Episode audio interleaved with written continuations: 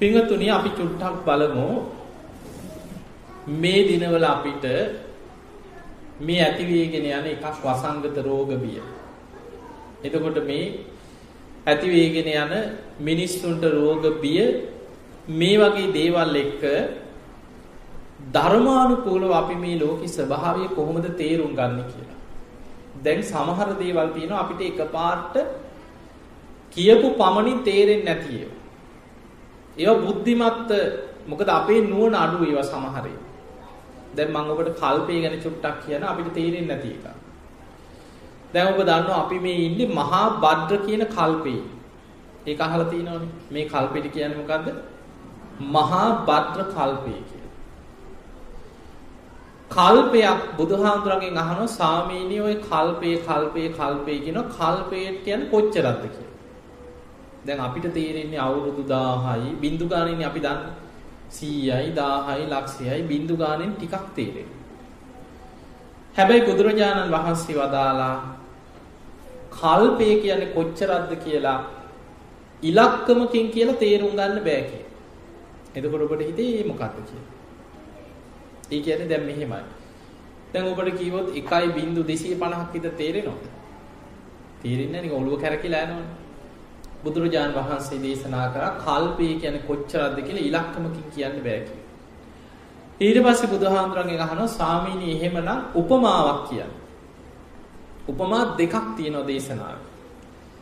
එක උපමාවක් තමයි යොදුනක් කියන්නේ සතපුම් 16. සතපුම් 16ක් දිග පළල උස විශාල ගල් පර්වතයක් හිතන්න කියලා. ඔබට නිකන් ඔළුවෙන් හිතා ගන්න පුළු ලොකු ගල් පර්වතයක් ගැන. සැතපුම් 16ක් දිග පළල උස ඇති විශාල ගල් පර්වතයක් තියෙනවා. අවුරුදු 100කට එක වතාවක් සිනීදු සලුවකින් යම්තම් උඩින් ගල් පර්වතේ පිස දානවා කියලා හිතන්න. නිකන් සලුවකින් උඩින් පිහ දාගෙන යන. අවුරුදු 100කට එකපාරක්. ආයමත් අවුරුදු 100කට පස්සේ යම්තම් පර්වතේ උඩින් පිහ දාන. අවුරුදු 100කට ආයමත් එකපාරක්. මහණෙනි වෙන හේතුවක් නෙමෙයි පිස දැමීම නිසා ඔය පර්වතයේ ගෙවිලා ගෙවිලා ගෙවිලා අවසන් වෙන දවසක් එනවා. මහා කල්ප එකක් කියන්නේ ඒ වගේ කියලා හිතන්න කියලා. ඔක නිකන් තේරෙනවා මෙහෙම. අපි දන්නවා මෙහෙනම් නැතුව ඇති. මිරිස් කල් තියෙනවද ගෙවල් වල? ඈ? මෙහෙත් තියෙනවා. ගෙනාපු ඇති ලංකාවෙන්. එතකොට පරම්පරා ගානක් මිරිස් හඹරන මිරිස් කල බලන්නකො මැදින් නිකන් වල වගේ හැන්ලා නැද්ද ගෙවල් ඇයි? අපි නිතර මේ මිරිස් හඹරනවා ලූණු හඹරනවා අර ගලේ කාලයක් යනකොට මැදින් වල වගේ හැරේ. දවසට කී සැරයක් මොනවා හරි ලූණු තලනවා කී සැරයක් මේ ගලින් ගල අතුල්ලනවා. ඊළඟට ওই චෛත්‍ය ළඟ ඔබ දැකලා ඇති නිතර වදින චෛත්‍ය ළඟ. යටිපතුලට මැදිලා සමහර ගල් පතුරු තියෙනවා වල වගේ හැරි. එතකොට හිතන්න කී දෙනෙක් පාගල පාගල යටිපතුලට මැදිලා මැදිලාද එහෙම වල වගේ හැරෙන්නේ කියලා හිතන්න. එතකොට මේ උපමාව අවුරුදු 100කට එක වතාවක් යන්තම් සලුවකින් පිහදාලා ආයෙත් අවුරුදු 100කට පස්සේ යන්තම් සලුවකින් පිසදාලා මහණෙනි ඒ නිසා විශාල ගල් පර්වතයක් සැතපුම් 16ක් දිග පළල උස ඇති පර්වතයක් ගෙවිලා අවසන් වෙනවද මහා කල්ප එකක් කියන්නේ වගේ කිය. දැන් ওই එකක් හිතාගන්න. ඔය වගේ කල්ප අසංකේයිකුත් සාරා සංකේ කල්ප ලක්ෂකෙන අසංකේය හතරකුත් තවත් කල්ප ලක්ෂයක් දස පාරමී විතරක් පිරුවා කියන අපේ බෝසතාණන් වහන්සේ බුදුවේ. එතකොට ඒ තරම් දීර්ඝ කාලයක් තුල මේ ලෝකේ පහළ වුණේ බුදුවරු 24 නමයි මතක තියාගන්න. සූවිසි විවරණ ලැබුවා කියලා අහලා ඇති. දීපංකර පාදමූලයේ ඉඳන් අපේ බුදුරජාණන් වහන්සේ බුදු වෙන තැන දක්වා අර වගේ අර ගලප උපමාවක් කිව්වේ ගෙවිලා ඒ වගේ කල්ප සාරා සංකේය කල්ප ලක්ෂයක් අසංකේය හතරකුත් තවත් ඒ වගේ කල්ප ලක්ෂයක් එතකොට එච්චර දීර්ඝ කාලයක් තුල මේ ලෝකේ පහළ වෙලා තියෙන බුදුරු 24 නමයි. ඊළඟට අපි එමු මේ මහා බද්ද කල්පේ. අපි ඉන්නේ එක මහා බද්ද කල්පයකට අන්තක් කල්ප 64 ඒවා හතරක් තියෙනවා. නිකන් ඔළුවේ මතක තියාගන්න. හිතන්න යන්න එපා වැඩි. ඒ අන්තක් කල්ප 64 ඒවා හතරේ පළවෙනි 64 තමයි මේ. එයිනොත් හතරවෙනි අන්තක් කල්පය අපි මේ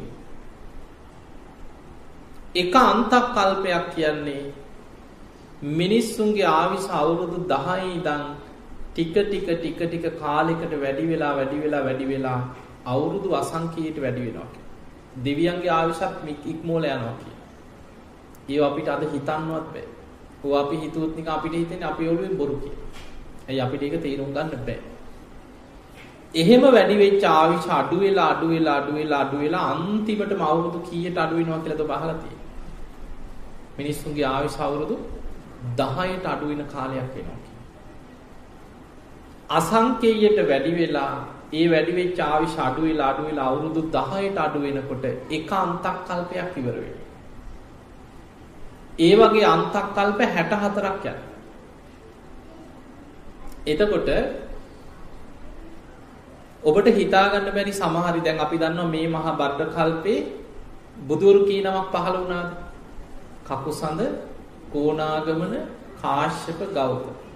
හැබැයි මේ බුදුවරුගේ ආවිෂ ගැන අපිට හිතා ගන්නවත් කකුසඳ බුදුහාඳුරෝ පහළ වෙන්නේ පළවෙනි අන්තක් කල්පේ මිනිස්සුන්ගේ ආවිෂ වැඩි වෙලා අසංකේයයට අඩුවේගෙන අඩුවේගෙන අඩුවේගෙන ඇවිල්ලා මිනිස්සුන්ගේ ආවිෂ 40000 වෙච්ච කාලේ කියන කකුසඳ බුදුහාඳුරෝ පහළ පළවෙනි අන්තක් කල්ප හිතන්නවත් පුළුවන්? අද හිතා ගන්න බෑ. කොහොමද මේ කාලේ ලෝකෙ කියන්නේ? ඒ ආවිෂ අඩු වෙලා අඩු වෙලා අවුරුදු 10ට අඩු වෙලා පළවෙනි අන්තක් කල්පේ විනාශ වෙනවා. ඊට පස්සේ ඉතුරු වෙන අයගෙන් ටික ටික ආවිෂ වැඩි වෙලා වැඩි වෙලා අවුරුදු අසංඛ්‍යයට වැඩි වෙනවා.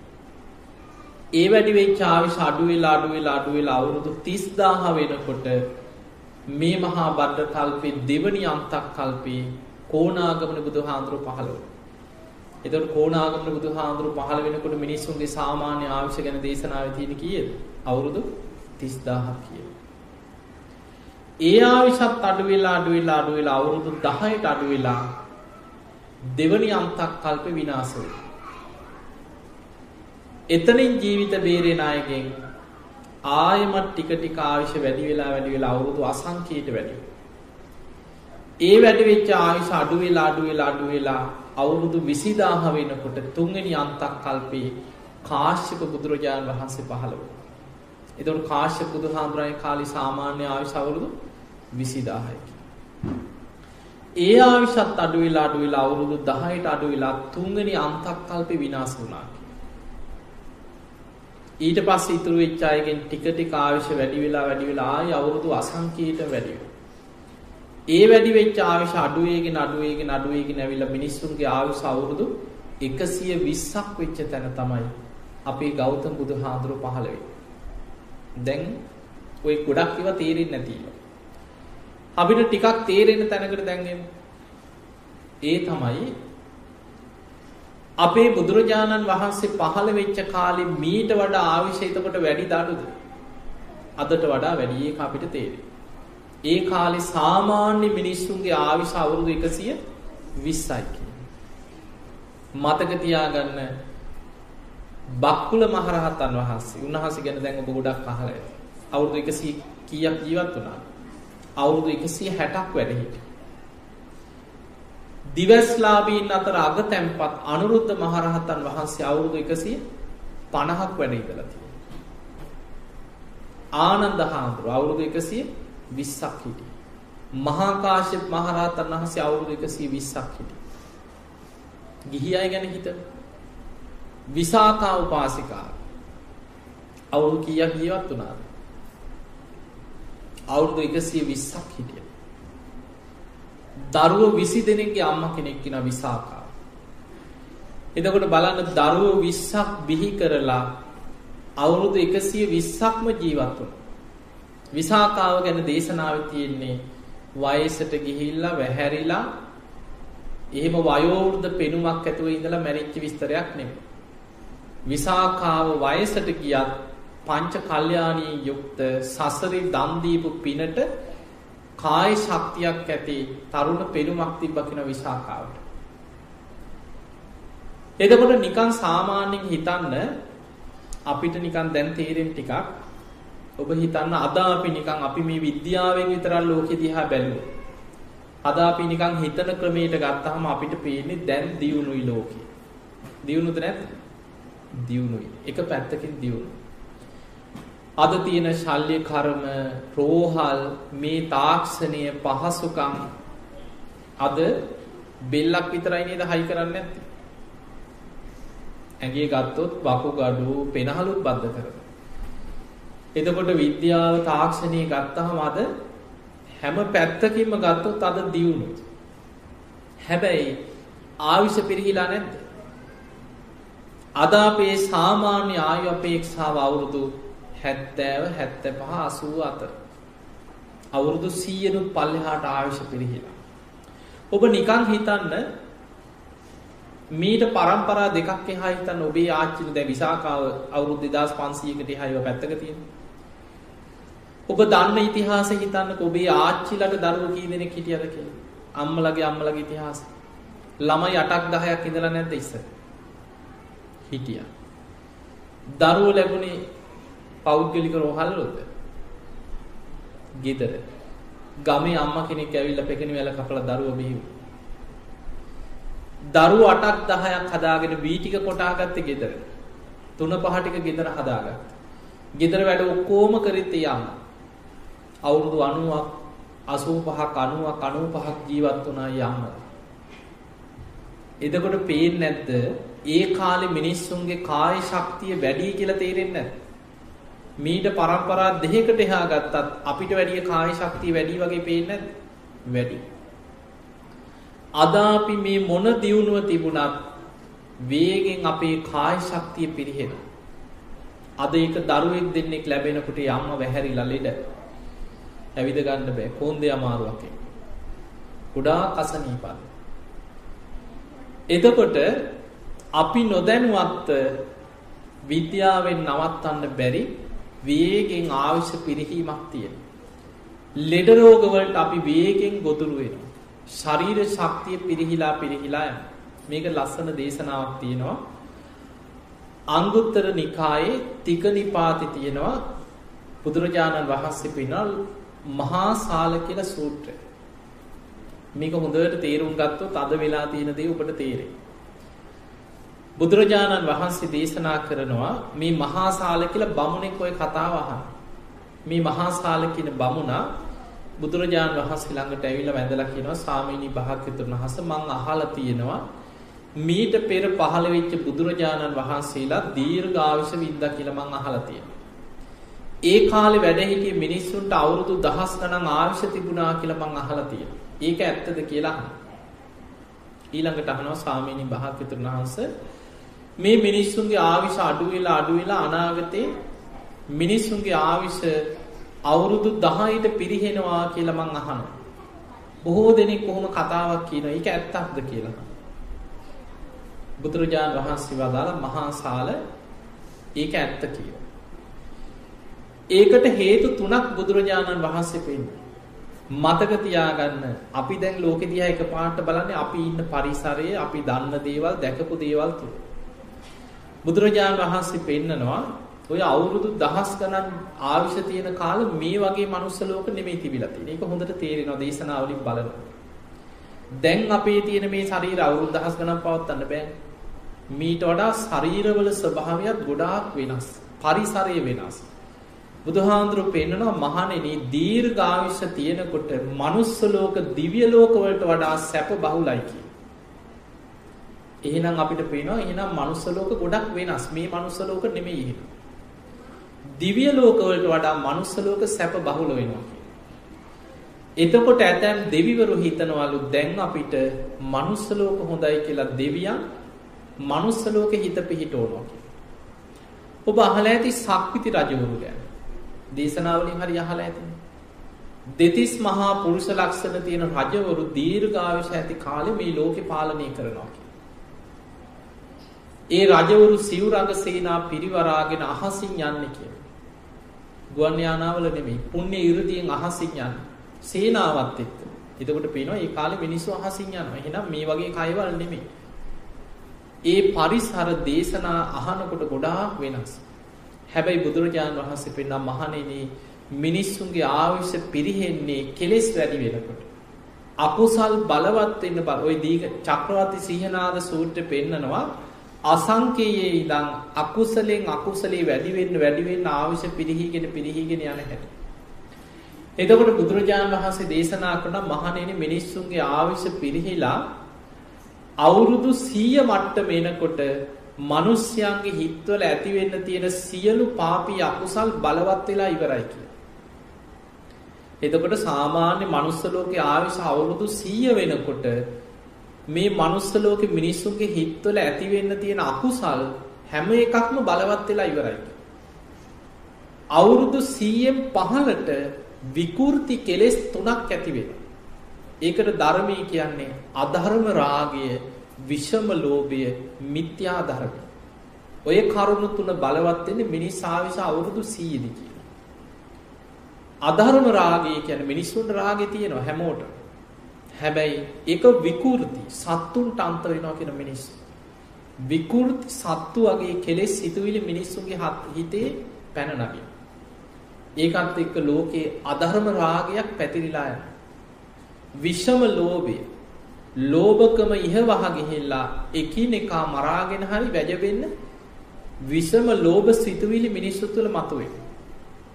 ඊළඟට මිත්‍යා ධර්ම විකෘති නියත මිත්‍යා දෘෂ්ටික දේවල් ලෝකෙ බලවත් වෙනවා. ඔය කරුණු තුන බලවත් වෙනකොට බුදුරජාණන් වහන්සේ පෙන්වන මහණෙනි පොළොවාසී දෙවියන්ගේ ඉඳන් අකනිටා බඹලවටම දෙවියන් ගැන දෙවියන්ට මිනිස්යන් ගැන විශාල කලකිරීමක් පැතිරෙනවා. එතකොට දෙවියන් මිනිස්සුන්ගෙන් ඈත් වෙනවා කියන්නේ. මතක තියාගන්න දෙවියන් මිනිස්යන්ගෙන් ඈත් උනේ මිනිස් ආවිස අවුරුදු 100න් 15ට පිරිහෙන කාලේ ඉඳන්. දැන් ඔබ ගොඩාක් බුද්ධ දේශනාවල අහලා ඇති දෙවිවරු පෙනී හිටියා. මිනිස්සු අතරට ආවා. භාවනා කරන ඉදිරියේ පෙනී හිටියා. හැබැයි මිනිස්සුන්ගේ ආවිස අවුරුදු 100න් 15ට පිරිහෙනකොට දෙවියන්ගේ රැකවරණේ manuss ලෝකෙට අහිමි. දැන් තව දෙයක් ඔබට මේ දෙවියන්ගේ මේ රැකවරණයේ තියෙන වටිනාකම දැන් අපි හිතමු වැස්ස වහින. වහින හැටි දන්නවනේ. ඔබ වැසි චක්‍රය කියලා එකක් ඉගෙනගෙන ඕන කෙනෙක් කියයි සාමාන්‍ය දැනුමක් තියෙන කෙනෙක් ආ වහින්නේ මෙහෙමයි කියලා ඕක විද්‍යාත්මකව පැහැදිලි කරා. අපි කවුරුත් වැස්ස වහින හැටි දන්නවා. හැබැයි ධර්මයේ විස්තර කරනවා වැස්ස වලාහක දෙවිවරු කියලා 이르දි බල සම්පන්න దేవතා කොට්ටාසයක් ඉන්නවා. ඒ අයට පුළුවන් කියනවා 이르දියෙන් ස්වභාවික වැස්සට බලපෑම් කරන්න පුළුවන් ඒ වැස්සෙන් හානියක් වෙනවා නම් ඒ දෙවියන්ට වැස්ස පාලනය කරන්න 이르දියක් තියෙනවා කියන. නියඟ දුර්භික්ෂ ඇති වෙච්ච වෙලාවට මිනිසයන් ගැන කරුණාවෙන් වැසි ඇති කරවන්න 이르දි බල සම්පන්න දෙවියන්ට පුළුවන් කියන. හැබැයි හැම වෙලෙම දෙවියන් ඒවා කරන්නේ නැහැ. උවමනා නම් දෙවියන්ට වැස්ස පාලනය කරන්න පුළුවන් දේවතා කොටසක් කියන්නේ.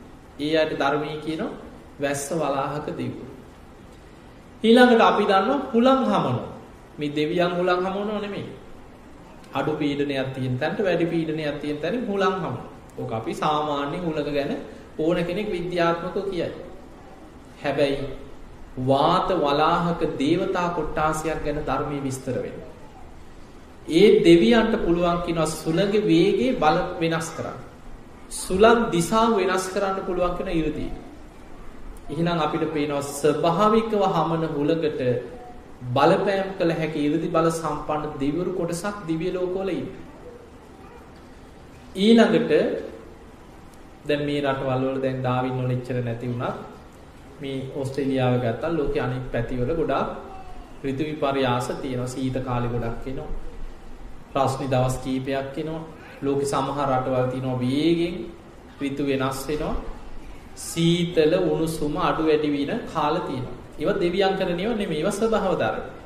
හැබැයි ධර්මයේ විස්තර වෙනවා උන්හ වලාහක කියලා දෙවිවරු පිරිසක් දෙවියන්ගේ 이르දි බලයෙන් පරිසරයේ උණුසුමක් ඇති කරවන්න පුළුවන් කියන ඒ දෙවියන්.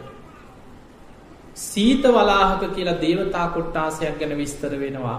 ඒ දෙවියන්ගේ ඉරදි බලයෙන් පරිසරයේ සීතලක් ඇති කරන්න පුළුවන් කියලා. ඊළඟට තවත් දෙවිවරු පිරිසක් ගැන තියෙනවා. අබ්බ වලාහක දෙවිවරු. ඒ දෙවියන්ගේ ඉරදි බලයෙන් වලාකුළු අහසේ අරන් යන්න පුළුවන් කියලා. එහෙනම් අපිට පේනවා මේ ඔක්කොම සුළං හමනේවා, වැස්ස වහිනේවා, සීතල උණුසුම ව ස්වභාවික දේවල්. හැබැයි ස්වභාව ධර්මයට බලපෑම් කරන්න පුළුවන් 이르දි බල සම්පන්න දෙවිවරු දිව්‍ය ලෝකවල ඉන්නවා. ඒ දෙවියන් මිනිස්යන්ගේ යහපතට උදව් කරන්නේ මිනිස්සු ಗುಣධර්ම රකින්න තාක්කල් විතරයි කියලා. අධර්ම රාගයේ විෂම ලෝභය මිත්‍යා ධර්මයේ බලවත් වෙනකොට බුදුරජාණන් වහන්සේ පෙන්නනවා පොළොවාසී දෙවියන්ගේ ඉඳන් අකනිටා බඹලව දක්වාම මිනිස්යන් ගැන අපකීර්තියක් අප්‍රසාදයක් කලකිරීමක් දිව්‍ය ලෝකවල දෙවියන්ට පැතිරිලා යනවා කියලා. එතකොට දෙවියන්ගේ උදව්පකාර මිනිස්යන්ට අහිමි වෙනවා කියලා. මතක තියාගන්න දෙවියන් මිනිස්සුන්ගෙන් පලි ගන්නව නෙමෙයි. දෙවියන් අහක බලන එක වෙන්නේ. උදව් කරන්නේ ඒක මේ වගේ. දැන් ඔබ හිතන්න කවුරු හරි ඔබෙන් මොනවා හරි ඉල්ලගෙන එනවා. අපි ගම හිගන්නව ඉන්නවනේ කොච්චර ඉන්නවන්නේ. ලංකාවේ අපි නිකන් මේ රට ගැන පැත්තක තියමු. කවුරු හරි අනේ උදව්වක් ඉල්ලගෙන එනවා. හැබැයි ඔබ හරියටම දන්නවනම් මෙයා හොරේ. වංචනිකේ, කපටියේ, මේ බොරුකාරයෙක්, අපරාධකාරයෙක්. එතකොට උදව් කරනවද? නෑ. ළඟ ඉන්න අයත් කියනවා උදව් කරන්න එපා ඔබ හොරෙක් කියලා. ඔය පව්කාරයෙක් කියලා. එක් ඔය කුඩුකාරයෙක් කියලා. මේ බද්දෙක් දෙන්න එපා කියලා. ඇයි මිනිස්සු කෙලෙස් සහිතයි. පව්කාරයෙකුට කවුරුත් උදව් කරන්න කැමති නෑ. දෙවියනුත් කෙලෙස් සහිතයි මතක තියාගන්න. දෙවියන් ඉන්නේ කාම ලෝකෙ කෙලෙස් සහිතයි. එතකොට ඒ දෙවියන්ටත් මිනිස්යන්ගේ අධර්මිෂ්ඨකම් දුස්සීලකම් අර අධර්ම රාගයේ විෂම ලෝභී මිත්‍යා ධර්මයේ තුල දෙවියන්ට මිනිස්යන් ගැන කලකිරිලා දෙවියන් අහක බලන. එතකොට බුදුරජාන් වහන්සේ පෙන්නනවා වැහැලා වැහැලා වැහැලා ඔච්චර විනාශයක් වුණත් වැස්ස වලාහක දෙවිවරු උදව් කරන්නේ නැහැ කියලා. අහක බලනවා. කොච්චර නියග දුර්භික්ෂ ලෝකේ ඇති වුණත් වැස්ස වලාහක දෙවියන් ඊට උදව් කරන්නේ නැහැ බුදුරජාන් වහන්සේ මහා සාල කියන බමුණට පෙන්වන මහා සාල අනාගතයේ මිනිස්සුන් ගම් නගර නියම්ගම් විනාශ වෙලා යන විශාල විපත් තුනක් ලෝකේ ඇති වෙනවා. මේක දේශනාවේ තියෙන දැන් බලන්න ගම් පිටින් නගර පිටින් ජන ශූන්‍ය වෙලා යන විශාල විපත් තුනක් අනාගතේ වෙනවා කියලා. එකක් තමයි මිනිස්සු අධර්ම රාගයෙන් විෂම ලෝභයෙන් මිත්‍යා ධර්මයෙන් යුක්ත වෙනකොට දෙවියන් මිනිස්සුගෙන් ඈත් වෙනවා. එතකොට ස්වභාවික විපත් වැඩි වෙනවා කියලා. බුදුහාඳුරෝ පෙන්වනවා අනාගතේ භූමිකම්පා වැඩි වෙනවා කියලා. නායාම් වැඩි වෙනවා. ජල ගැලීම් වැඩි වෙනවා. ස්වභාවික විපත් වැඩි වෙලා ඒ හේතු කරගෙන ගම් නගර ජනපද ලෝකෙ ජනශූන්‍ය වෙලා යනවා කියන අනාගතය. එතකොට ඔන්න එකින් එක මතක තියාගන්න එකක් තමයි අධර්ම රාගයේ විෂම ලෝභයේ මිත්‍යා ධර්මයේ බලවත් වෙනකොට පොළොවාසී දෙවියන් මිනිස්සුගෙන් ඈත් වෙනවා. ඒ ඈත් වෙනකොට ස්වභාවික විපත් වැඩි වෙනවා. ඒ හේතු කරගෙන අනාගතේ ගම් නගර ජනපද ජන ශූන්‍ය වෙලා විශාල වශයෙන් මිනිස්සයන් විනාශ වෙවි යනවා කියලා. ওই එකක්. ඊළඟ එක බුදුරජාණන් වහන්සේ පෙන්නනවා මහා සාල දෙවනි කාරණේ මිනිස්සුන්ගේ අධර්ම රාගයයි විෂම ලෝභයයි මිත්‍යා ධර්මයයි නිසා දෙවියන් මිනිස්සුන්ගෙන් ඈත් වෙනකොට සැඩ යක්ෂයන් මිනිස්සුන් අතරට යකුන් මුදා හරිනවා මේ මම කියන එකක් නෙමෙයි. අංගුත්තර නිකායේ තික නිපාතේ තියෙනවා මහා සාල කියලා සූත්‍රය. දෙවියන් ඈත් වෙච්ච තැන දෙවියන්ගේ රැකවරණේ අහිමි වෙච්ච තැන අමනුෂ්‍යයන් ඒ ගම් නගරවල අරක් ගන්නවා කියලා. සැඩ යක්ෂයෝ මිනිසුන් අතරට යකුන් මුදා හරිනවා කියලා දේශනාවේ තියෙනවා. එතකොට ඒ අමනුෂ්‍ය නිසා විශාල ලෙඩ රෝග පැතිරෙනවා කියලා. විශාල විපත් ලෝකේ වර්ධනය වෙනවා. අමනුෂ්‍යයන්ගේ ග්‍රහණයට ගම් නගර ජනපද ලෝකේ ලක් වෙනවා කිය. ඒ හේතු කරගෙන අනාගතයේ දහස් ගණන් ලක්ෂ ගණන් මිනිස්සු මැරිලා ගම් නගර නියං ජනශූන්‍ය වෙලා යනවා කිය. දැන් ඕක අපිට හොයන්න බැරි එකක්. අමනුෂ්‍යෝ පේන්නේ නැහැ අපිට. ඒක හොයන්න බෑ. හැබැයි බලන්න දැන් ඔබට විශාලා මහනුවර ප්‍රශ්නේ ගැන හිතන්න. ඉස්සල්ලාම ආවේ නියගයක්. දුර්භික්ෂයක් ඒකත් එක්ක වසංගත රෝග පැතිරුණා. දැන් මේ විශාලා මහනුවර රතන සූත්‍ර අටුවාවලට එනකොට ඒකේ විස්තර වෙනවා වසංගත රෝග හැදිලා නගරේ මිනිස්සු ලෙඩ වෙලා තැන් තැන් වල වැටෙනවා. එහෙම මැරෙනවා. මලකුණක්වත් අයින් කරන්න කෙනෙක් ලං වෙන්නේ නැහැ කියලා. ඇයි? ලෙඩේ පැතිරෙයි කියලා බයයි. දැන් අද බලන්නකො මිනිස්සු. ලෙඩෙකුට බයයි නගරවලින් මිනිස්සු අයින් වෙනවා. නගර වහලා ප්‍රවාහන නවත්තලා මිනිස්සු ගෙවල් වලට කොටු වෙලා ලෙඩේ පැතිරෙයි කියලා කොච්චර මිනිස්සු ලෝකෙ දියුණුම නගරාද ජනශූන්‍ය මට්ටමට නගර එහෙමම වහන. විශාලා මහනුවර තැන් තැන්වල මිනිස්සු මැරිලා කුණු වෙලා යනවා කිය. මුළු නගරේම මලකුණු ගඳ පැතිරෙනකොට ඈත යොදුම් ගණන් හිටිය අමනුස්්‍යයෝ නගරයට ඇවිල්ලා අමනුස්්‍යයෝ නගර පිරුණ කිය. යන්තම් මිනිස්සු ජීවිත රැකගන්න ගෙවල්වට කොටු වෙලා හැංගිලා තැන් තැන්වල හැංගි හැඟි මිනිස්සු ආරක්ෂාවෙන වසංගතය. හැංගි හැඟි බේරේ. නගරි දවසකට මැරෙන ගාන සීය දෙසීය තුන්සීය දාහම් මැරෙන්න්න ගත්ත කියෙන විශාලා මහනු. එතකොට නගරි බුදු හාමුදුරු පහළ වෙලා අවුරුදු දෙකයි බුදු වෙලායිව. ඒ වෙනකොට විශාලා මහනුවර නගරයේ තුන්බියක් රෝග දුර්භික්ෂ අමනුස්ස. ලෙඩරෝගත් එක්කම වසංගතයත් එක්කම අමනුස්ස වදුරත් බලවත්. එතකොට බුදුරජාණන් වහන්සේ බුදු වෙලා දෙවනි අවුරුදු. රජගහනුවර වේලු වනාරාම වැඩහිට. ඒ වෙලාවෙ තමයි අවසාන ලිච්චවී රජවරු ආරාධනා කරා බිම්බිසා රජ්ජරු මාර්ගයෙන් බුදුරජාණන් වහන්සේ වඩි. ඒ වඩින කතාව බහල ඇති. එතනදි මතක තියාගන්න බුදුරජාණන් වහන්සේ එද්දාස් දෙසිය පණහක් මහරහතන් වහන්සේලා පිරිවරාගෙන වැඩම කරලා ඉස්සල්ලාම පිරිත් පැන් එකක් පාත්තරයට පිරිත් කරලා. ආනන්ද හාමුදුරන්ට දෙනවා නගරි ප්‍රාකාර වලලු තුන වටා යමින් නගරයට පිරිත් පැන් ගිහින්නකි. බුදුරජාණන් වහන්සේ අධිෂ්ඨානයක් කරාගෙන බුද්ධ අධිෂ්ඨාන අපිට හිතාගන්නවත් බෑ. බුදුරජාණන් වහන්සේ අධිෂ්ඨානයක් කරනවා ඒ පිරිත් පැන් ඉහිනකොට නගරට. ඒ පැම්පින්දු හුලගේ හමාගෙන ගිහිල්ලන් නගරි ලෙඩවෙලා අමනුස්වෝදුරෙන් ලෙඩරෝගවලින් වසංගතවලින් දුක්විදින මිනිස්සුන්ගේ ශරීරවල දැවටේවා. බුද්ධානු භාවයෙන් දම්මානු භාවයෙන් සංගානු භාවයෙන් ඒ අයි සුවපත්තේවා කියෙන අධිෂ්ඨානයක් කර. ආනන්ද හාමුදුරු විශාලා මහනුවර කියන්නේ නගරෙ තුන් වතාවක් ප්‍රාකාර තුනකින් විශාල කරා කෙන ජනගහනය වැඩිවීම නිසා. ලිච්චවී රාජ්‍ය. ඔය ප්‍රාකාර වලලු තුන වටා යමින් ආනන්ද හාමුදුරු නගරයට පිරිත් පැන් නිසා. බුදුරජාණන් වහන්සේ නගරයට ඇතුල් වෙන්න සිරිපතුල තියෙනකොට දුර්භික්ෂි නැති වෙලා එකිනෙකට වෙනස් වැසි හතක් ඇදහැරුණා කිය. පොද වැස්සක් මල් වැස්සක් පිණිවැස්සක් එහෙම වැසි හතක් ඇදහැලෙන. දේශනාව තියෙනවා බුද්ධ ප්‍රමුඛ සංඝයා වඩිනකොට බුදුහාමුදුරුවන්ටවත් රහතන් වහන්සේලාවත් නොතෙමේ දෙපසට වැසි ඇදහැරුණා කිය. එතකොට බුදුරජාණන් වහන්සේ නගරි මැද කූටාගාර ශාලාවට රහතන් වහන්සේලා එක්ක වැඩම කළ වැඩහිට. ආනන්ද හාමුදුරු නගරි වටේම පිරිත් පැන් ඉහිනකොට ඒ පිරිත් පැම් බින්දු ඇගේ දැවටිලා මිනිස්සු බලාගෙනින් නැති ලෙඩවලින් සුවපත්ව. නගරම පිරිසිදුනා වැහැන්.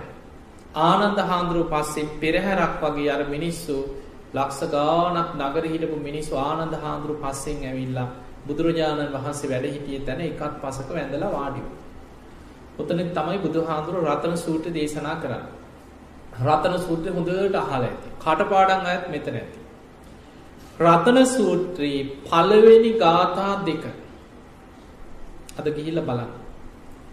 ඒ ගාථා දෙක බුදුරජාණන් වහන්සේ පළවෙනි ගාථා දෙකෙන් කෝටි ලක්ෂයක් සක්වල දෙවියන්ට ආරාධනා කළ ඉල්ලීමක් කරා මනුස්්‍යයන්ට පිහිට වෙන්න කිය. දෙවියන්ගේ ආශීර්වාදයයි මිනිස්සුන්ට අවශ්‍ය වෙන්නේ වෙලාවට. පළවෙනි ගාථා දෙකින් බුදුරජාණන් වහන්සේ අර අහසේ රැස්වෙලායින්න යානීද භූතානි සමාගතානි බුම්මානිවායා නිවහන්තලි.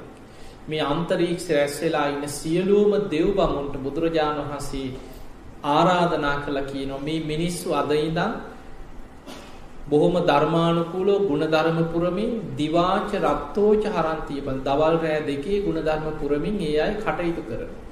තස්මාහිනේ රක්ක තප්පමත් මේ මිනිස්සුන්ව අප්‍රමාදී ආරක්ෂා කරන්න කියලා දෙවියන්ගෙන් ඉල්ලී මක් කරන්න. පළවෙනි දෙවනි ගාථා දෙකින් බුදුරජාණන් වහන්සේ දෙවියන්ගෙන් ඉල්ලී මක් කරනවා විශාලා මහනුවර මේ නගරවාසීන්ට දෙවියන්ගේ පිහිට රැකවරණය ආශිර්වාද ලබලදින මේ මිනිස්සුන් රකින්න කිය. ඊළඟ ගාථා කීපේම තියෙන්නේ බුදුගුණ දහම්ගුණ සඟගුණ සත්‍යයක් ක්‍රියා. බුදුරජාණන් වහන්සේගේ බුදුගුණයක් ගැන කියලා ඒ බුදුගුණේ ඒතේන සච්චේන සුවත් මේ සත්‍යානු භාවී සුවපත්තය. මේ දම්මානු භාවී සුවපත්තේ. මේ සංගානු භාවී සුවපත්තේවා කියලා තුනුරුවන් ගුණ කිය කිය සත්‍යක්‍රියාවක් කරන්න. ඒ සත්‍යක්‍රියා දේශනාව අවසානය අන්තිම ගාත තුන රතන සූට්‍රය.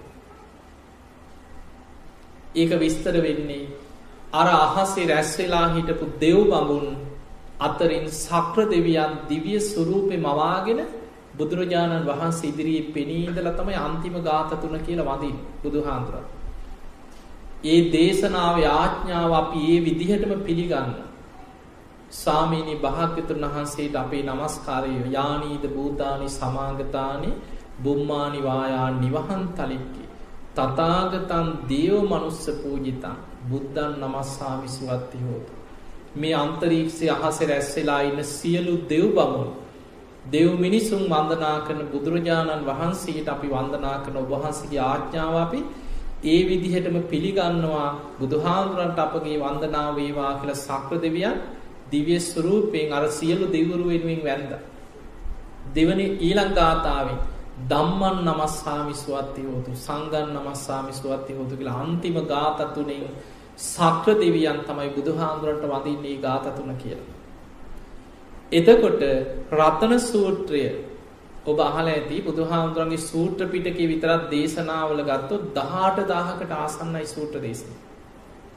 ඒ අතර දේශනා කීපයක් තියෙනවා කෝටි ලක්ෂයක් සක්වල ආඥා පිහිටෝ. දජග්ග පිරිත. ඊළඟට බොච්චංග පිරිත කන්ද පිරිත ආටානාටී සූට් ඊළඟට රතන සූට්. රතන සූත්‍රයේ බුදුගුණ දහම්ගුණ සඟගුණ තුනරුවන්ගේ ආඥාව කෝටි ලක්ෂයක් සක්වල පිහිටවල තියෙන. ඒැන ත්‍රහි සාහසී ලෝක දහතු ආඥා පිටි බලවත් දේශනා. එතකොට ඒ දේශනාවනුත් බුදුහාන්දුරුව ඉල්ලීමක් කරන්න කාටද? දෙවියන්ට. මේ මනුස්්‍යයන්ව රකින්න කිය. මතක තියාගන්න අපි දන්න ඇති වුණාට මේ හැම තැනම නොපෙනෙන බලවේග තියෙන.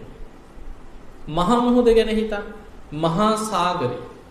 අපිට පේන්නේ මොනවද? මොහොදේ අපිට පේනව පීනන මාලු එක ඒක විදිහ සත්තු. මොහොදේ නොවුන් විතර අපිට පේ බුදුරජාණන් වහන්සේ දේශනා කරනවා පහාරාද සූත්‍රයේ මුහුදේ ඉන්නවා කියන අමනුස්යෝ තිමි තිමංගල තිමිරපින්ඩල නාග අසුර ගහන්දරව කියන අමනුස්්‍යයන් මහා සාගරී ජීවත්තය සමහර අමනුස්්‍යයන්ගේ ශරීර යොදුන් සීයක් විශාලයිකි. මුහුදෙයි අමනුස්්‍යය. හිතන්නවත් පුළුවන්දාට. යොදුනක් යැනි සැතකුම් දාසේ යුදුන් සීයක් විශාල අමනුස්්‍යය මුහුද ඇතුළ හාම හැනවා කිය. නාගලෝක මහා සාගරීතිී අපි දන්න කොහෙ තියෙන්නේ කියලා අපිට පේන්න. මුහුදෙන් මතු වෙච්ච යුගන්ධන පරවතිය ගැන බුදුහාන්දුරුව විස්තර කර අපිට අද ඒක පේන්න හොයාගන්නවා. එහි නාග විමාන තියෙනවා කියන්නේ. නාගලෝකෙ නාගයෝ මහා සාගරය ඇසුරු කරගෙනින්.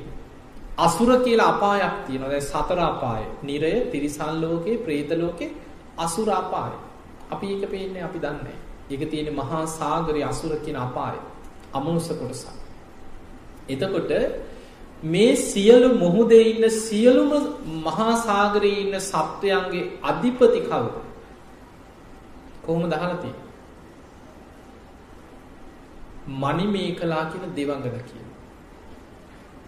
මණිමේකලා කියන දිව්‍යාංගනාවක් ඉන්නවා මහා සාගරයට අධිපති දෙවඟන. දේශනාවක සඳහන් වෙනවා මණිමේකලා දෙවඟන බුදුහාමුදුරන්ට පොරොන්දුවක් වෙනවා මහා සාගරයේදී සිල් ගුණ දහම් රකින ධර්මානුකූලෝ ජීවත් වෙන ಗುಣධර්ම පුරන ශ්‍රාවකයෙකුට මහා මුහුදේ අනතුරක් වුණොත් ඒ කෙනාව ආරක්ෂා කරනවා කියලා බුදුහාඳුරන්ට පොරොන්දුවක් වෙනවා. දැන් බලන්න ගොඩක් ජාතක කතාවල තියෙනවා මුහුදේ යනකොට එක්ක නැවක් මුහුදුපත් වෙනවා. අනතුරක් වෙලා. ධර්මී හැසිරෙන කෙනෙක් ಗುಣධර්ම සිහි කළ සත්‍යක්‍රියා කරනකොට එක්ක කොහෙන් හරි එක්ක දූපතකට ලී කෑල්ලක හරි එල්ලිලා ගැලවිලා යනවා. බාහ්‍ය දාරුචීරි ඒ වගේ දරකොටේ එල්ලිලා පීනගෙන අපේ බෝසතාණන් වහන්සේ සංසරි බොහෝ ආත්ම භාවවල මහා සාගරයේ නැව් ගිලිලා මුහුදුපත් වෙලා නාවිකව හැටියට කටයුතු කරනකොට සසරේ මණිමේ කලා දෙවගෙන පිහිට වෙච්චි වතිය. එතකොට මහා සාගරයේ අනතුරක් වුණත් ගුණධර්ම පුරණ කෙනාට දෙවරු පිහිට වෙන. ඒ නිසා බොහෝ තැන්වල මේ දෙවියන්ගේ පිහිට රැකවරණ අපිට අවශ්‍යයි. හැබැයි ඒක නැති වෙනවා මිනිස්සු ගුණධර්මවලින් පිරිහෙන. ඒක මනුස්ස ලෝකෙට අපි හිතනවට වැඩිය නොපෙනෙන විදිහට බලපාන. ඒ බලපෑම් අපිට හිතාගන්න බැරි විදිහට එන දැන් බලන්න ඔබ නිකන් හිතන්න දැන් ඔය මේ කාලේ පැතිරීගෙන යන වසංගත.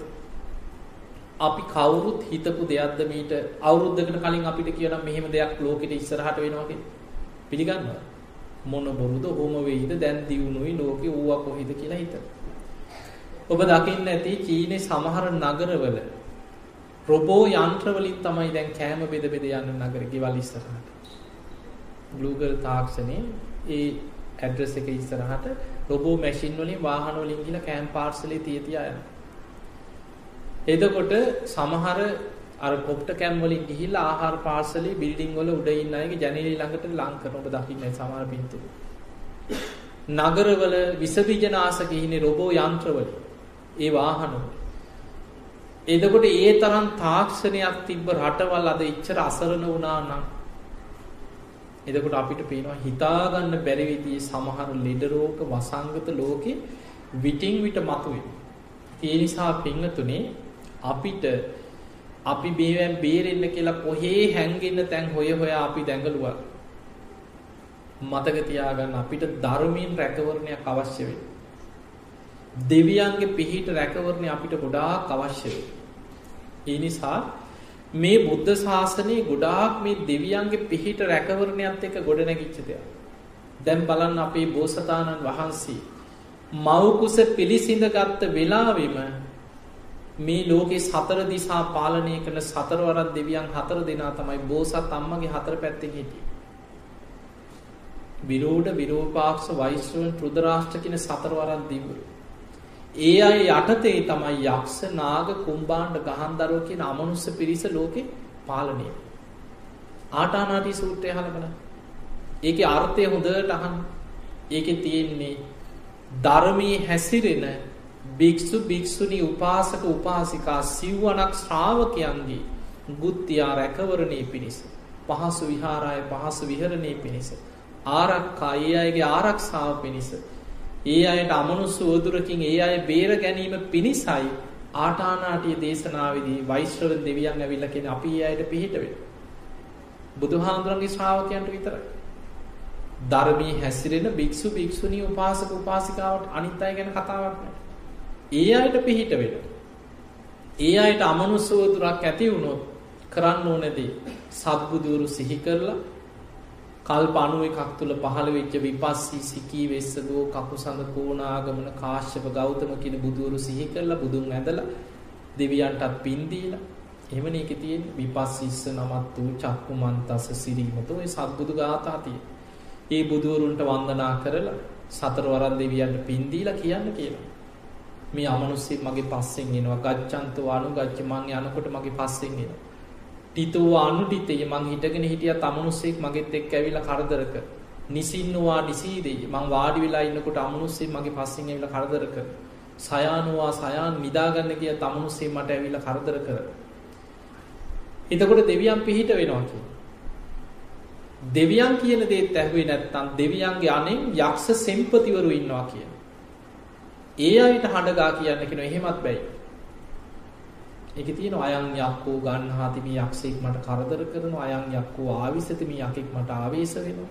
අයන් යක්කෝ හේටේතිම යකෙක් මට පීඩා කරනවා. අයන් යක්කෝ විහේටේති යකෙක් මට බලවත්ව පීඩා කරන අයන් යක්කෝ හිංසතිම යකෙක් මට හිංසා කරනවා.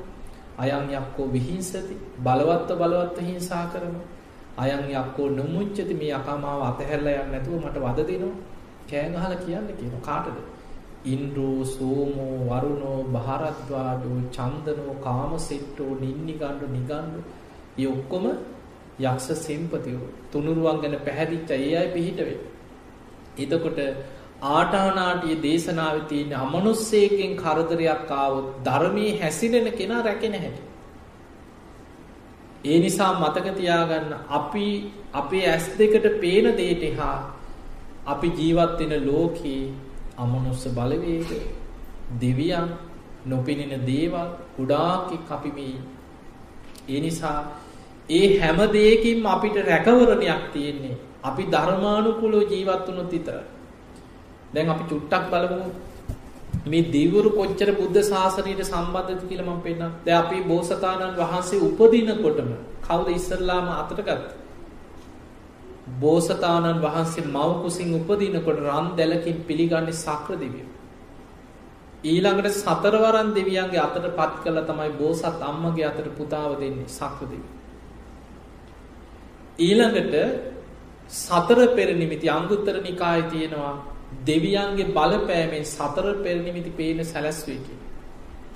උන්වහන්සේ අභිනිස්ක්‍රමණය කරනකොට නගරේ ප්‍රධාන දහාරය ඉතා ශක්ති සම්පන්න සිය දෙනෙක් යොදොල තමයි කෙන නගරේ දොරටුව විවෘත කරන්න රාට්ටියට වහනු සතුරු සේනාවන්ගේ රැකගන්න චන්න ඇමතිය සමඟ කන්ත කසු පිට නැගල යනකොට දෙවියන් දේවානු භාවෙන් දොරටුව විවෘත කළ දුන්නකි. මනුස්සලෝක කවුරුත් දන්න. මේ තුන් ලෝකෙම බුදුහාන්දුරුව වෙනුවෙන් පලවෙනියටම හදපු චෛත්‍යය මොකක්ද. මොකක්දේ චෛත්‍ය දිවිය ලෝකෙ සිදුමි නිසායි. මනුස්සලෝක අපි දන්නෙත් නෑ. අපේ බෝසතාණන් වහන්සේ අභිනිස්ක්‍රමණය කරලා මගුල් කඩුවෙන් කෙස් වැටිය කපල අතේ තියාගෙන සත්‍යයක් ක්‍රියාවක් කර. මට ඒ කාන්තෙන් බුද්ධත්වය ලැබේන. මේ කෙස් පොලොවට නොවැටේවා අහසේ රැඳේවා කියල කෙස් වැටිය අහසට විසි කරන්න. යොදුනක් ඉහල අහසට කේෂධාතුන් වහන්සේ අහසට පැනනැගකි. සක්‍ර දෙවියන් රන් කරඩුවක් මවාගෙන කේෂ දහතු පිළිගෙන දෙවියන් සාධකාරදිදී දෙව්ලුවට ගිහිල්ලා සක්‍ර දෙවියන් දිවියලෝක චෛත්‍යයක් මැවෝ. දොළොස් යොදුනක් විශාල සත්තුවනින් මවපු චෛත්‍යය තමයි සිළුමිනිසෑ බෝසතාණන් වහන්සේගේ කේෂධාතු එහි තැන්පත් කර. බුදු වෙලා නෑ අභිනිස්ක්‍රමණය කරපු දවසෙම දිවිය ලෝකෙ පලවෙනියටම තුන් ලෝකෙ මවපු චෛත්‍ය. ඒ වෙලාවෙ තමයි ගටීකාර බ්‍රහ්ම දෙවියන් අහසින් ඇවිල් අට පිරිකරක් පූජ කර. ඒත් බ්‍රහ්ම දෙවි කෙනෙ. ඒ අටපිරිකර දරාගෙන ඇඳගෙන හිටිය ගිහි වස්්‍රයුගල අතට අරගෙන සත්‍යයක් ක්‍රියාවක් කර. මට ඒ කාන්තේ විමුක්තිය ලැබේ නම් මේ ගිහි වස්්‍ර පොළොවට නොවැටේවා කියලා අහසට වීසික. ගිහි වස්්‍ර යුගල අහසට පැනනවිද්දී ගටීකාර බ්‍රහ්ම දෙවියන් කරඩුවකින් පිළිගෙන බඹලවට ගිහිල්ලා සිළුමිනි සෑයට ඉහළ බ්‍රහ්ම තලයේ චෛත්‍යයක් මැව්වා සලුමිනි සෑය. බෝසතාණන් වහන්සේගේ ගිහි වස්ත්‍ර තැන්පත් කළ බ්‍රහ්ම දිවුරු වදින. එතකොට දිවිය ලෝකෙ සදෙව්ලෝම දෙවියන් වදිනවා සිළුමිනි සෑයට බ්‍රහ්ම ලෝකොල දෙවුරු වදිනවා සලුමිනි සෑය. තාම බුදු වෙලත් නෑ අභිනිස්ක්‍රමණය කරපු දවසේ ඉඳන්. ඊළඟට උන්වහන්සේ දැන් බලන්න බුදු වෙච්ච දවස හිතමු. දැන් අපි නිකන් හිතමු අපි කවුරුත් දන්නවා අපි වෙසක් දවස බුදුහාමුදුරන්ගේ සම්බුදු තෙමගුල සමර. අපේ බුදුරජාණන් වහන්සේ බෝධි මූලයේ දසබිම්බරක් මාරසේනා පරාජය කළ සම්මා සම්බුද්ධත්වයට පත්වෙන. මනුස්ස ලෝකෙ කවුරුත් දැනගත්තද එද. කවුරුවත් දන්නවා දද බුදු කෙනෙක් පහළ වනාක. කිසි කෙනෙක් දන්න. හැබැයි දිවිය බ්‍රහ්මලෝකොල දෙව් බඹුම් ප්‍රීතිගෝසා කරන. මේ ලෝකෙ බුදු කෙනෙක් පහළ වුණා දෙව්මිනිස් ලෝකයාට නිවන්දොර විවරෙනවා කියල දෙවියන් ප්‍රීතිකෝසා කර. හැබැයි බුදුරජාණන් වහන්සේ බුදු වෙලා සතියක් බෝධිමූලේ ඒ ඉරියව්වෙන්ම වැඩඉන්නකොට දෙවියන් අතර හිත දකින්න බැරි අල්පේශාක්‍ය දෙවුරු කොටසක් සැක කර. තාම බුදු වෙලා නෑ තාම වීරිය වඩන. ඒකයි ඔය ඉරියව්වෙන් නැකිටින් නැත්ත කිය. එතකොට ඉරදි බල සම්පන්න දේවරු කිනො නෑ නෑ බුදු වෙලා ඔය විමුක්තිසුව විඳමින් වැඩයි. බුදුරජාණන් වහන්සේ බෝධි මූලයේදී දැක්කත් දෙවියන් අතර අදහස් දෙකක්. බොහෝ දෙවිවරු බුදු වුණා කියලා ප්‍රීතිഘോഷා කරන සමහර අය කියනවා නෑ තාම වීර්ය වඩන. දෙව් බඹුන්ගේ සැක දුරු කරන්න බුදු වෙලා පළවෙනි සතිය අවසානයේ අහසට පැන නැගලා යමා මහ පෙළහර පෑ. මිනිස්සුන්ගේ සැක දුරු කරන්න නෙමෙයි. දෙව් බඹුන්ගේ සැක දුරු කරන්න. සියලු දෙවියන් බ්‍රහ්මයන් ප්‍රීතිගෝසා කර කර ඒ කාන්තේම බුදු වුණා කියලා ප්‍රීතිගෝසා කරා කිය. මිනිස්සු දන්නේ නැහැ. දෙවනි සතියේ නේත්‍ර පූජාවක් කවුරුත් හම්බෙන්න ආවේ නැහැ මිනිස්සු. තුන්වෙනි සතියේ රුවන් සක්මන් කිසිම මිනිස්සෙක් ආවේ නැහැ හම්බෙන්නේ. හතරවෙනි සතියේ සක්‍ර දෙවියන් රුවන්ගේ මවන් ඒ මත වැඩ ඉඳලා තමයි අභිධර්මයේ මෙනෙහි කරන්නේ. සවනක් ගන්න බුද්ධ රශ්මි දහරා බුදු සිරුරෙන් නිකුත් වෙන කවුරුත් මිනිස්සෙක් ආවේ නැහැ හම්බෙන්නේ. පස්වෙනි සති අජපාල නුගරුක මුලදී ලෝකයාට දහම් දෙසන්න ආරාධනා කරන්නේ බුදුහාමුදුරන්ට කවුද? සහම්පති මහා බ්‍රහ්ම දෙවියන්. ලෝකයට දහම් දෙසන්න කියලා ආරාධනා කරන්න. පස්වෙනි සති අජපාල නුගරුක මුලදී. එදකොට අපිට පේනවා මුළු බුද්ධ ශාසනය පුරාම මේ දෙවරුන්ගේ බැඳීමක් බුද්ධ ශාසනයත් එක්ක තියෙනවා.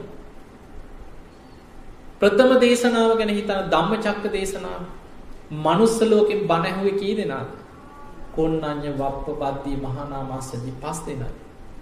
දස දහසක් ලෝකධාතුල දිවුරු අහසි පිරිල බණැහුව කිය. ධම්මචක්ක දේශනාව අවසානි දහට කෝටියක් දෙවියම් මාර්ග පල් ලැබවා කියල දේශනාව තියෙන. මනුස්ස ලෝකින්ම සෝවානුනේ කොන්නඥ හාදුරු විතරයි.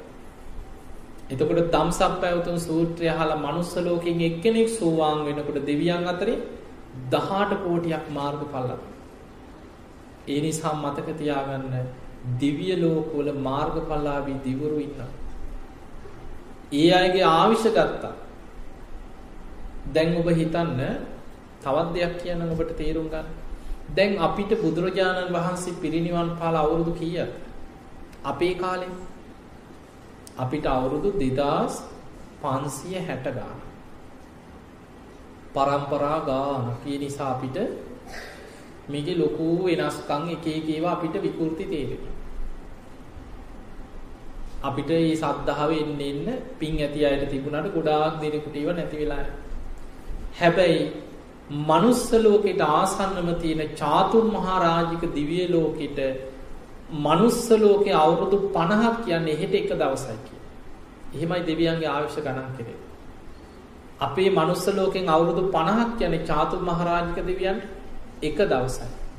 ඒ දෙවියන්ට බුදුහාමුදුරු පිරිනිවන් පාලා දැන් දින පනස් තුනයි කිය. ඊට ඉහලින් තියෙන තවතිසා දෙවියන්ට මනුස්ස ලෝකෙ අවුරුදු සීයක් තවතිසා දෙවියන්ට එක දවසයි. එහෙනම් තවතිසා දෙවියන්ට බුදුහාමුදුරු පිරිනිවන් පාල දවස් විසි හයයි.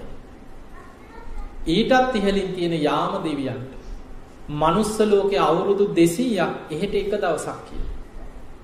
එහෙන යාම දිවිය ලෝක දෙවියන්ට බුදුහාන්දුරු පිරිනිවම් පාල දවස් දහතුනක් වගේ. තුසිත දිවිය ලෝක දෙවියන්ට මනුස්ස ලෝකෙ අවුරුදු හාරසීයක් එහෙට එක දවසක් කිය. එහෙම දිවිය කාලි ගණන් කෙරේ. මනුස්ස ලෝකෙ අවුරුදු හාරසීයක් තුසිත දෙවියන්ට එක දවස.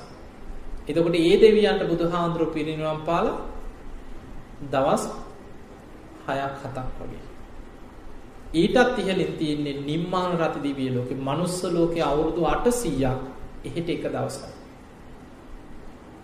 එතකට බුදුහාන්දුරු පිරිනියම් පාල දවස් 3ක් වගේ. තාම තුන්වෙනි දවසේ නිම්මාන රති දෙවියන්. ඉහළම දිව්‍ය තලෙ මොකක්ද? පරනිම්මිත වසවර්ති දිව්‍ය ලෝකේ. මනුස්ස ලෝකේ කාලෙන් අවුරුදු 1600ක් එහෙට එක දවසක් කිය. දවසකුත් පැය 14ක් වගේ කියන ගත වෙලා තියෙන මේ දිව්‍යයන්ගේ දිව්‍ය කාලෙන් බුදුහාමුදුරුවෝ පිරිනිවන් පා. එහෙමනම් නිකන් හිතන්න බුදුහාමුදුරුවෝ දැකපු බණ අහපු මාර්ගඵල ලැබපු දෙවිවරු එහෙනම් අදත් වැඩ ඉන්නවද නැද්ද? අදත් මේ දිව්‍ය ලෝකවල වැඩ ඉන්නවා. මතක තියාගන්න සතර පෝයටම දෙවියන් සුධර්මා දිවිය සභාවට එකතු වෙනවා කියලා දේශනාව තියෙන. පසළොස්සක පෝය දවසට දෙවියන්ට බණ කියන්න අනාගාමී වෙච්ච සනත් කුමාර කියලා බ්‍රහ්ම දෙවි කෙනෙක් දිවිය ලෝකෙට ඇවිල්ලා දෙවියන්ට බණ කියනවා කියලා. එතකොට අපි මේ මනුස්ස ලෝකෙ එකතු වෙලා සීල් ගන්නවා පින්කම් කරනවා වගේ පෝය දවස්වලට දෙවියන් සුධර්මා දිවිය සභාව එකතු වෙලා බණ අහන. ಗುಣධර්ම පුරන. හැබැයි මනුස්ස ලෝකේ මිනිස්සු අධර්ම රාගයෙන් විෂම ලෝභයෙන් මිත්‍යා ධර්මයෙන් යුක්ත වෙනකොට ඒ දෙවියන් මිනිස්යන්ගේ අධර්මිෂ්ඨකම් ගැන කලකිරිලා දෙවියන්ගේ රැකවරණේ මිනිස්සුන්ට අහිමි වෙනවා. මේ මිනිස්සුන්ගේ ආවිෂ අඩු වෙලා අඩු වෙලා අඩු වෙලා අවුරුදු 10ට අඩු වෙන කාලයක් කියලා. දැන් මම ඔබට නිකන් ගණන් හදලා පෙන්නන්න මෙහෙම. දැන් අපි හිතමු බුදුහාමුදුරුවෝ පිරිනිවන් පාලා දැන් අවුරුදු දෙදස් පන්සිය හැටගාන අයින් කරමු අවුරුදු දෙදස් පන්සීයක් කියලා හිතා. අවුරුදු දෙදස් පන්සීයක් වෙනකොට එකසිය විස්සක් වගේ තිබ්බ සාමාන්‍ය ආවිෂ දැන් අවුරුදු හැත්තෑවට විතර පිරුණාන අවුරුදු කීය කඩුවීමක් තියෙනවා. අවුරුදු දෙදස් පන්සීයකට අවුරුදු පණහක විතර අඩුවීමක් තියෙන මිනිස්සුන්ගේ ආවිෂ. එකන අවුරුදු සීයකට අවුරුදු දෙහකින් වගේ තමයි මේ ආවිෂ අඩුවවී අඩුවවී යන්න. ඒකයි හොයන්න බෑ. පරම්පරා දෙක තුනක් යනකොට අවුරුද්දකින් දෙකකින් ආවිෂ අඩු මේ වේගෙන්ම මිනිස් ආවිෂ පිරිහිලා පිරිහිලා තව අවුරුදු 2500ක් අනාගතයට නිකන් හිතන්න. අපේ බුදුහාමුදුරුවෝ පිරිනිවන් පාලා අවුරුදු 5000ක් වෙනකම් බුද්ධ අධිෂ්ඨාන තියෙනවා. ඔබ අහලා ඇති ධාතුන් වහන්සේලා තුල අධිෂ්ඨාන පිහිටෙවි අවුරුදු 5000ක් යනකම්. අවුරුදු 5000කට පස්සේ ධාතු පරිනිර්වාණයක් ගැන තියෙනවා. ඔබ අහලා ඇති. සිරිපා සටහන් අවුරුදු පන්දහසක් යනතෙක් නොමැකී පවතීවා කියලා අධිෂ්ඨාන පිහිටෙව්වා කිය. එතකොට මේ අඩුවෙන වේගෙන් මිනිස්සාවිශ අඩුවෙලා අඩුවෙලා තව අවුරුදු දෙදස් පන්සීයක් ගියෝ. ධාතුන් වහන්සේලා පිරිනිවන් පාන දවසට. සිරිපා සටහන් මැකෙන බුද්ධ අධිෂ්ඨාන ලෝකෙන් අවසන් වෙන දවසට ජීවත්වෙන මිනිස්සුන්ගේ ආවිශ කිය දවු. විස්සට විතර පිරිහිලා. ඒ ධාතුන් වහන්සේලා පිරිනිවන් පාලා බුද්ධ ශාසනය අවසන් වෙලා තව අවුරුදු 100ක් 200ක් යනකොට විශ්ව ආවිෂත් අවුරුදු 10ට පිරිහෙන. දීඝනිකායේ තියෙන චක්‍රවර්ති සීහනාද කියලා සූත්‍රය. ඒකේ තියෙනවා මිනිස්සුන්ගේ ආවිෂ අවුරුදු 10 වෙනකොට කුසල් කියන වචනේවත් අහපු කෙනෙක්වත් ලෝකේ නැහැ කියන. ඒ කියන්නේ ඊනම් ඊට කාලයකට කලින් ශාසනීය ධර්මයේ පිරිහිලා ඉවර වෙනවා. ඒ වෙනකොට ලෝකේ බලවත්ම දේ නියත මිත්‍යා දෘෂ්ටිය කියන්නේ. එකිනෙකා බල්ලො බලල්ලු සත්තු තිරිසන්නුන්ට අන්තයි කියන මිනිස්සු කෙරෙස්වලින්. ලේ පිපාසෙන් කියන එකිනෙකා දිහා බලන්න. ඒ විකෘති කෙලෙස් නිසාම මනුස්ස ලෝකයේ විශාල වර්සාවක් වහිනවා කියන මිනිස්සුන්ගේ විනාසෙට. අපි මේ ජීවත්වෙන අන්තක්කල්ප විනාස වෙන්නේ සත්ත අන්තක්කල්ප විනාසය. අවිආවිදවලින් මරාගෙන විනාස වෙන අන්තක්කල්පයක් මේ එකට ධර්මය කියන සත්ත අන්තක්කල්ප විනාස. ඔබ අහලා ඇති මේ වර්ෂාවට ධර්මය කියන්නේ මුර්ගසම් වර්ෂාව. ඒ වැස්සෙන් වහිනකොට දැන් බලන්න එතනදිත් මිනිස්සු ගැන අනුකම්පා කරන දෙවිවරු ඊට කලින් මිනිස්සු අතර පෙනී ඉඳගෙන කියාගෙන යනවා කියන මේ වගේ වැස්සක් වහිනවා. දින හතක් එක දිගට වහිනවා. තම තමන්ට කන්න බොන්න දේවල් අරගෙන කැලෑවල් වලට ගිහිල්ලා තනි තනියෙන් හැංගිලා බේරෙන්න වෙන විකල්පයක් නැහැ කියලා දෙවියන් කියාගෙන යනවා. බොහෝ පිරිසක් පිළිගන්නේ නැතුව ඒවට නිඳා කර කර බැන බැන ඉන්නවා කීප දෙනෙක් විතරක් දින 6-7කට කෑම බීම අරගෙන කැලෑවල් වලට ගිහිල්ලා තනියෙන් හැංගෙනවා කියලා. අර මහා වර්ෂාවෙන් තෙමෙනකොට මිනිස්සුන්ගේ මනස විකෘති වෙලා ලේ පිපාසාවෙන් එකිනෙකා එකිනෙකා මරා ගන්නවා. දින හතක් යනකොට ලෝකෙම ලේවිලක් කියන. අර තනියෙන් හැංගිච්ච ටික දෙනා විතරයි කියන බේරේ. එතකොට ඔය තමයි මේ අපි ඉන්න අන්තක්කල්පේ අවසන් වෙන තැන. එතකොට හිතන්න අපි දැන් ඉන්නේ අවුරුදු දහස් ගණන් ආයුෂ තියෙන තැනක නෙමෙයි. මිනිස් ආයුෂ පිරිහිලා පිරිහිලා අවුරුදු 100 පල්ලෙහාට පිරිහිච්ච තැන. අපි ඉන්නේ අන්තක්කල්ප විනාශයක් ළඟ ළඟ මේ ජීවත් වෙන්නේ. විශ්වය දිහා ගත්තා. ඒ නිසා මේ කාලේ අපිට යන්තම් හරි දැන් අපිට ඇත්තටම ගත්තොත් ධර්මයේ දියුණු කරනවා කියන එක ලේසිද අමාරුද? අමාරුයි. අපි ඉන්නේ කෙලෙස් වැඩි කාලෙක. අමාරුයි. මිනිස්සුන්ගේ ආයුෂ දීර්ඝ කාලවල මිනිස්සු ගොඩාක් ಗುಣධර්ම පුරන. ඔය සක්විති රජවරු පහළ වෙච්ච කාලේ ලෝකෙම සිල්වත් කිය. සක්විති රජුරු අහසින් ගිහිල්ලා හැම රටකටම අනුශාසනා කරන්නේ පන්සිල් රකින්න. රජ්ජුරුවන්ගේ අනුශාසනා පිළි අරගෙන හැම ගමක්ම හැම රටක්ම ලෝකෙම පන්සිල් රකින්නවා කිය. දැන් අපි ඉන්න ලෝකෙ හිතන්න. කොච්චර පිරිහිලාද කියලා. එතකොට ඒ දීර්ඝායුෂ ඇති කාලේ මිනිස්සු ಗುಣධර්ම පුරනවා කියන බොහොම සිල්වත්. හැබැයි මිනිස්සුන්ගේ ආයුෂ පිරිහිලා පිරිහිලා අවුරුදු 100න් 15ට පිරිහෙනකොට මනුස්ස ලෝක අපායවල් වගේ. කෙලෙස් වැඩි. දැන් අපි ඉන්න ලෝකේ අධර්ම රාගේ විෂම ලෝභේ මිත්‍යා ධර්මේ බලවත්. දැන් අපිට ධර්මයේ දියුණු කරනවා කියන එක අමාරු. ඇත්තෙන්ම අමාරු. හැබැයි අපිට විකල්පයක් තියෙනවා. විකල්පයක් නැහැ.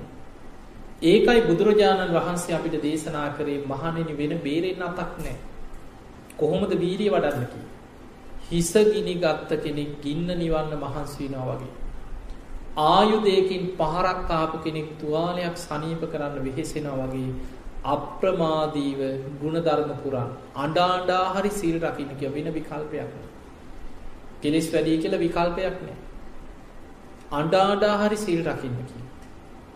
කොහොම හරි පන්සිල් ටික රැකගත්තොත් කොහොම හරි ධර්මානුකූලව ජීවත් වුණා. කරුණු පහක් වඩන්න කියනවා සද්ධා සීල සුත ත්‍යාග ප්‍රඥා. ඒවට කියන්නේ සීක බල.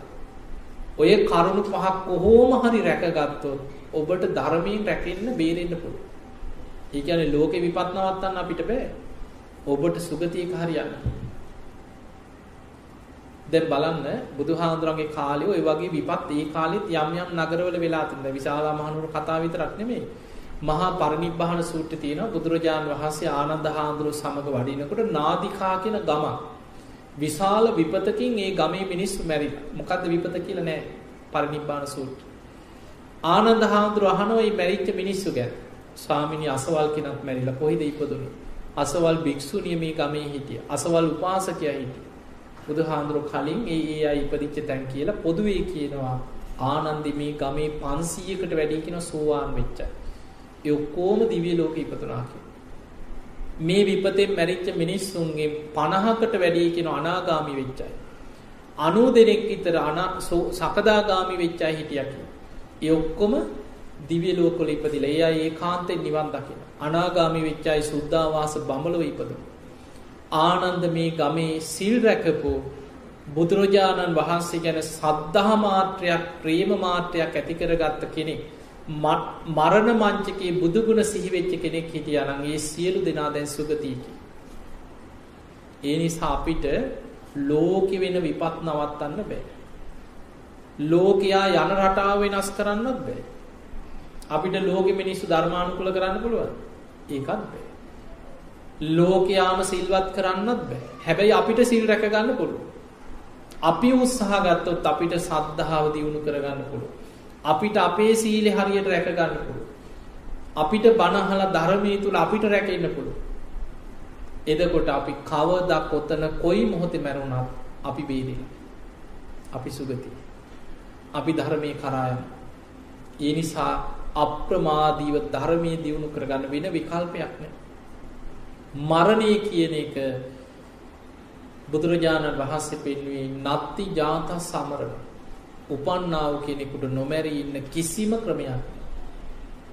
දැන් නිකන් හිතන් නිකන් එකපාරට හෙනියක් ගැහුවා වගේ හිතේ. කියපු එක හාමුදුරුවෝ ඒක නම් හොඳ නැහැ කියලා හිතේ. අපි හිතමු මෙතන බණ අහන්න 200ක් ඉන්නවා කියලා. කවදා හෝ මල ගෙවල් කීයක්ද? මේ? 200ක්. අපේ පවුලේ 10 දෙනෙක් කියන්නේ කවදා හෝ මල ගෙවල් කීයක්ද? 10ක්. කොච්චර ආදරේ පනට පන වගේ ජීවත් වුණත් කවුරු හරි ඉස්සර වෙනවද නැද්ද? ඉස්සර වෙනවා. ඒක ඇත්තද බොරුද? අපි කවදා කොතන කොයි මොහොතේ හරි අපිට ඒ කාන්තෙන් අපිට මැරෙන්න ඉපදීමත් දුකක් ලෙඩවීමත් දුකක් මරණයත් දුකක්. ඒ නිසා නොමැරී ඉන්න පුළුවන් කෙනෙක් ලෝකේ නැහැ. අප්‍රමාදීව ධර්මයේ පිහිටා ධර්මයේ දියුණු කරා. ඒකයි බුදුරජාණන් වහන්සේ පෙන්නේ එහෙම ධර්මය අල්ලපු කෙනා ගැලවෙනවා දැන් බලන්න බිම්බිසාර රජ්ජුරුව සෝවාන් වෙච්ච කෙනෙක්. නමුත් සසරේ කර්ම විපාකයකට අන්තිම කාලේ හිර දඩුවන් විදින්න වුණා. අර පුංචි කාම්බරයක කොටු කරලා හිර කුටියක තමන්ගේම පුතානේ අජාසත් කන්න නොදී මැරෙනකන් තිබ්බ. මේ සෝවාන් වෙච්ච රජු. ඒකට සෝවාන් වුණා කියලා කර්ම විපාක නැති වුණා. ගෙවන්න වුණා. අන්තිමට කන්න දෙන්නෙත් නෑ වතුරත් නෑ හිර කරලා තියලා යටිපතුල් පලලා ගිනි පොකුරුට ඇවිත් දෙව්වා කිය. කොච්චර වද දුන්නද. එච්චර වද දෙනකොටත් ධර්මය පිහිටියා අර හිරකුටි ඇතුළේ ඉඳම් බුද්ධානුස්සතිය වැඩු. ධර්මී ගුණ සිහි කර. මරණ සතිය වැඩු. ධර්මය හිතන්න මෙහෙමයි. ඇයි මට මෙහෙම වනේ කියලා හිතන්නේ. අන්න ධර්මය අවබෝධ කරගත්ත බිම්බිසා රජ්ජුරෝ හිතනවා බුදුරජාණන් වහන්සේගේ ධර්මය කොච්චර සත්‍යයක් ඉපදීම දුකයි කියලා දේශනා කරේ. ඉපදිච්ච නිසා නේද මම මේ දුක් විඳින්නේ. සසරේ කොච්චර මම ඉපදිලා මේ වගේ දුක් විඳ විඳ ඉඳලා ඇද්ද? ඒ ධර්මයේ කාන්තේ සාක්කාතයි සම්දිත්තිකයි අකාලිකයි කියලා හිතන. දැන් අපිට කරදරයක් ආපු ගමන් හිතෙන්නේ ඇයි අපිට මෙහෙම වුනේ කියලා. ඉපදීම දුකයි මේ ධර්මයේ තියෙන දේ නේද මේ මන් විඳින්නේ කියලා හිතෙනවද අපිට? ඉපදුනා නම් ළඩ වෙනවා. වයසට යනවා. සෝක අඬල ඇති අපි ඕන තරම් පරිදේව නංගොත් කිය කියාට දුක්ඛ දුක් විඳිනවා දෝමනස්ස හූල්ලන උපායා සුසුම් හෙල ඕක තමයි ජීවිතේ ඒකයි බුදුහාඳුර මේකෙන් ගැලවෙන්න කියන්නේ. ඒ නිසා මේක දුකක්.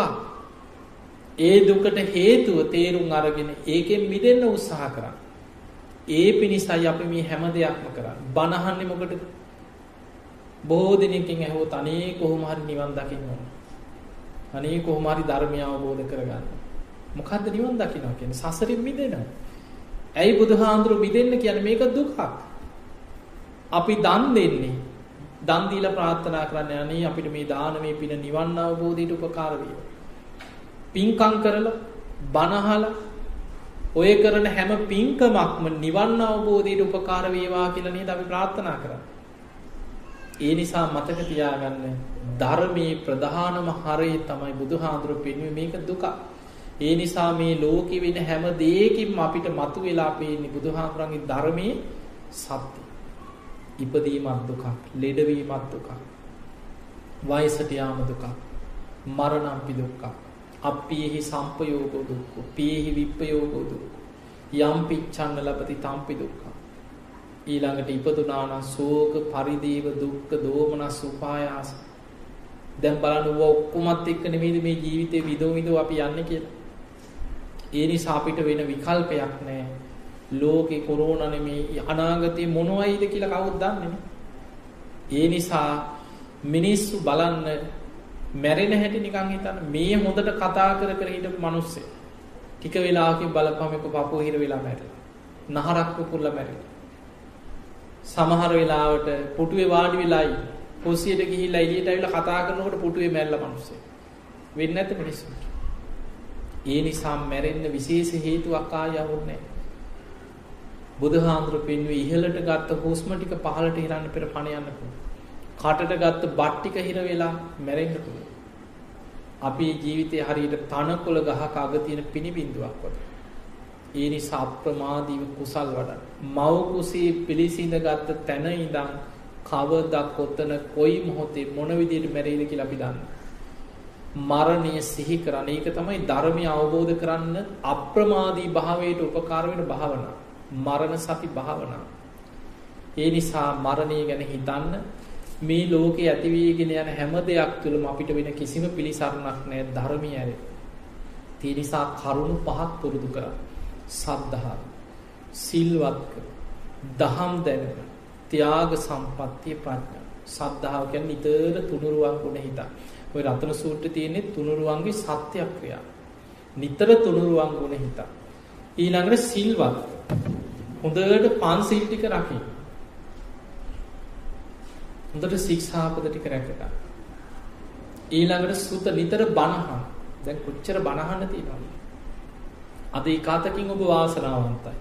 ඒ තමයි ඔබ ඉස්සර අහලා ඇති ලංකාවේ ඔබේ අම්මලා තාත්තලා ඉස්සර හිතන්න මීට අවුරුදු 20කට එහා නිකන් ලොකු කාලයක් ඕනේ මෙහෙම බණහන්න තිබ්බද කියලා. ලංකාවේ වුණත් ඉස්සරහට පොයි දවසේ රැයට රජයේ ගුවන් විදුලි යන්තම් බණක් ගියා එච්චරයි. දැන් බණ යන නාලිකා කොච්චර තියෙනවද? ඉන්ටර්නෙට් එකේ බලන්න YouTube එකේ කොච්චර බණ තියෙනවද? ඒ නිසා ධර්ම දේශනා දහම් පොත්ද ත්‍රිපිටකේ අද භාෂා ගානකට පරිවර්තනය වෙනවා. බණ පොත්පත් ධර්ම දේශනා ඕන තරම් ලෝකෙ කොහේ හිටියත් අද බණහන්න අවස්ථාව තියෙනවා. ඒ නිසා බණහන හොඳට ආසාවෙන් ගෞරවයෙන් බණහන කාලයක් යනකොට හොඳට ධර්මයේ තේරෙයි. ධර්මයේ වැටහෙනවා ධර්මයේ අල්ලගන්න. ඊළඟ එක තමයි ත්‍යාග සම්පatti අතහැරීම. මම ඔබට තව නිකන් ප්‍රායෝගික කතාවක් දෙකක් කියන්න. අපි හම්බෙන්න ඔය ඉන මිනිස්සු අතරින් සමහර අය ඉන්නවා නොයෙක් පිළිකා වගේ ලෙඩ හැදිලා එනවා. ඔය ලංකාවේ අපි ඉන්නකොට ඔය සමහර දවස් මම වෙන් කරලා තියෙන මිනිස්සුන්ට ඇවිල්ලා හම්බෙන්නේ. සමහර අය ඇවිල්ලා ඇඟපත හොඳට හදාගත්ත අය. එක්සයිස් කරලා ජිම් ගිහිල්ලා හොඳට ඇඟ හදාගත්ත අය. පොඩි උන් වගේ ඇවිල්ලා අඬන. අනේ හාමුදුරනේ මට මැරෙන්න බෑ මට ළමයි දෙන්නෙක් ඉන්නවා කී කී අඬන. කොච්චර ධර්මයේ කිව්වා සමහරට හිත පිහිටව ගන්න බෑ. එතකොට හිතන්න අපි කොච්චර ඇඟ හදාගත්තත් අපි හිත හදලා නැත්නම් අපි අන්තාසරණ.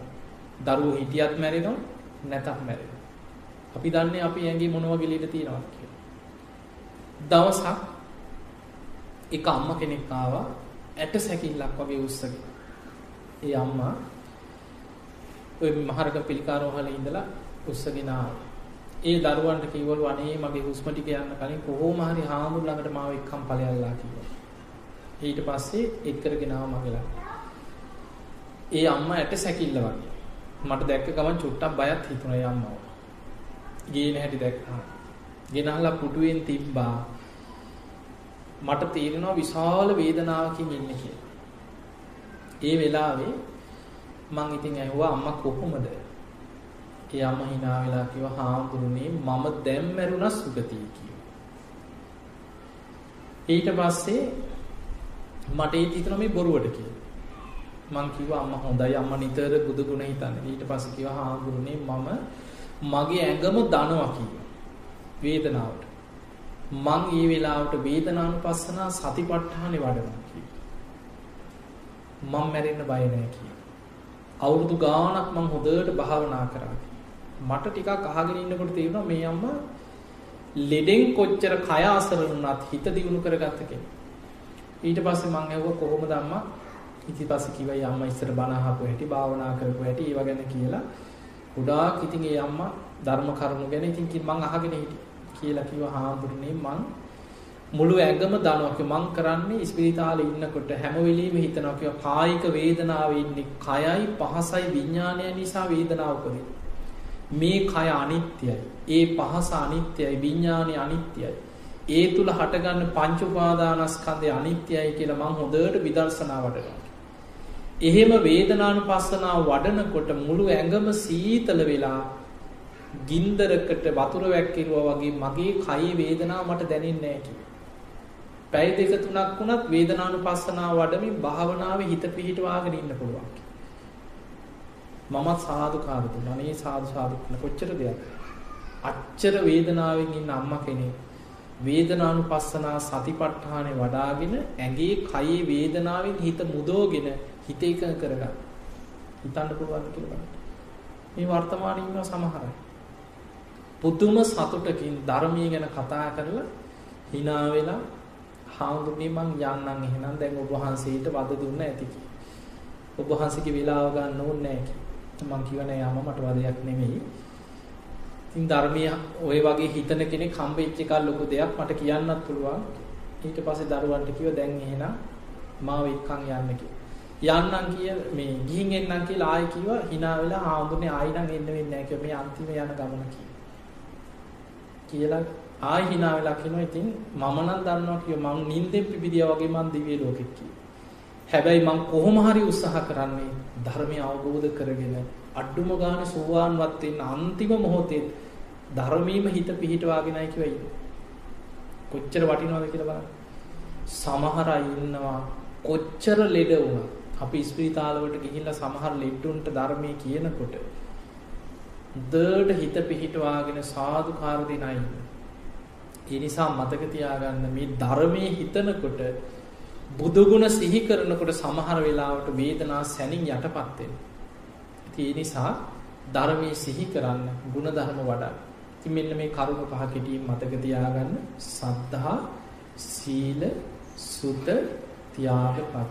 ওই ಗುಣධර්ම පහ වඩන්න.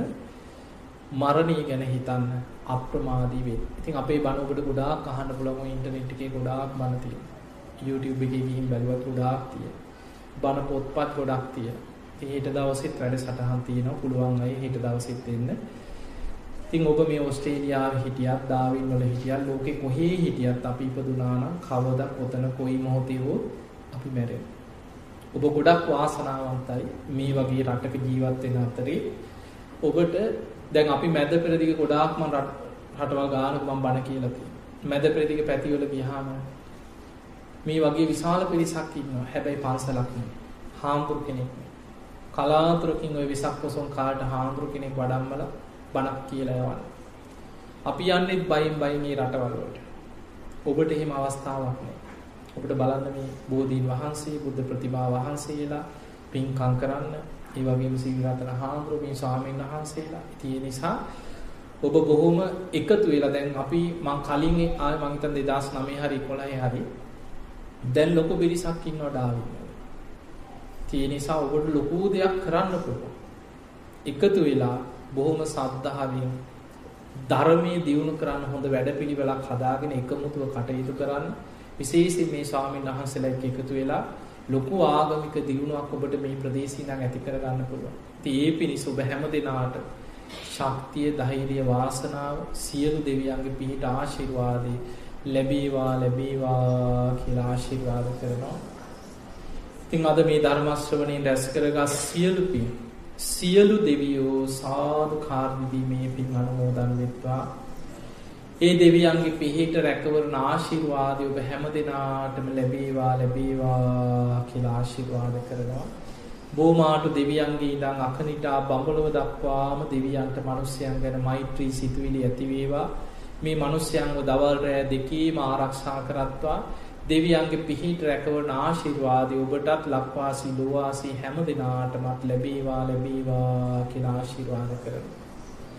මිය පරලොවගේ සියලු ඥාතීන් සාදුකාර දෙදී මේ පින් අනුමෝදන් වෙත්වා ඒ ඥාතීන්ගේ පරලොව ජීවිත සැපවත් වේවා සුවපත් වේවා වහ වහා සසර දුකින් අත මිදේවා කියලා සාදු කළ ඥාතීන්ට පින් දෙන්න. ඒ වගේම ඩාවින් ජාත්‍යන්තර බෞද්ධ මධ්‍යස්ථානයේ ඒ විහාරාධිපති පූජනීය නායක හාමුදුරන් වහන්සේ උදෙහිනේ සීල රතන හාමුදුරන් වහන්සේ ඒ වගේ මේ වැඩ ඉන්න හාමුදුරන් වහන්සේ ඇතුළු සියලු සාමීන් වහන්සේලා නිදුක් වේවා නිරෝගී වේවා සුවපත් වේවා.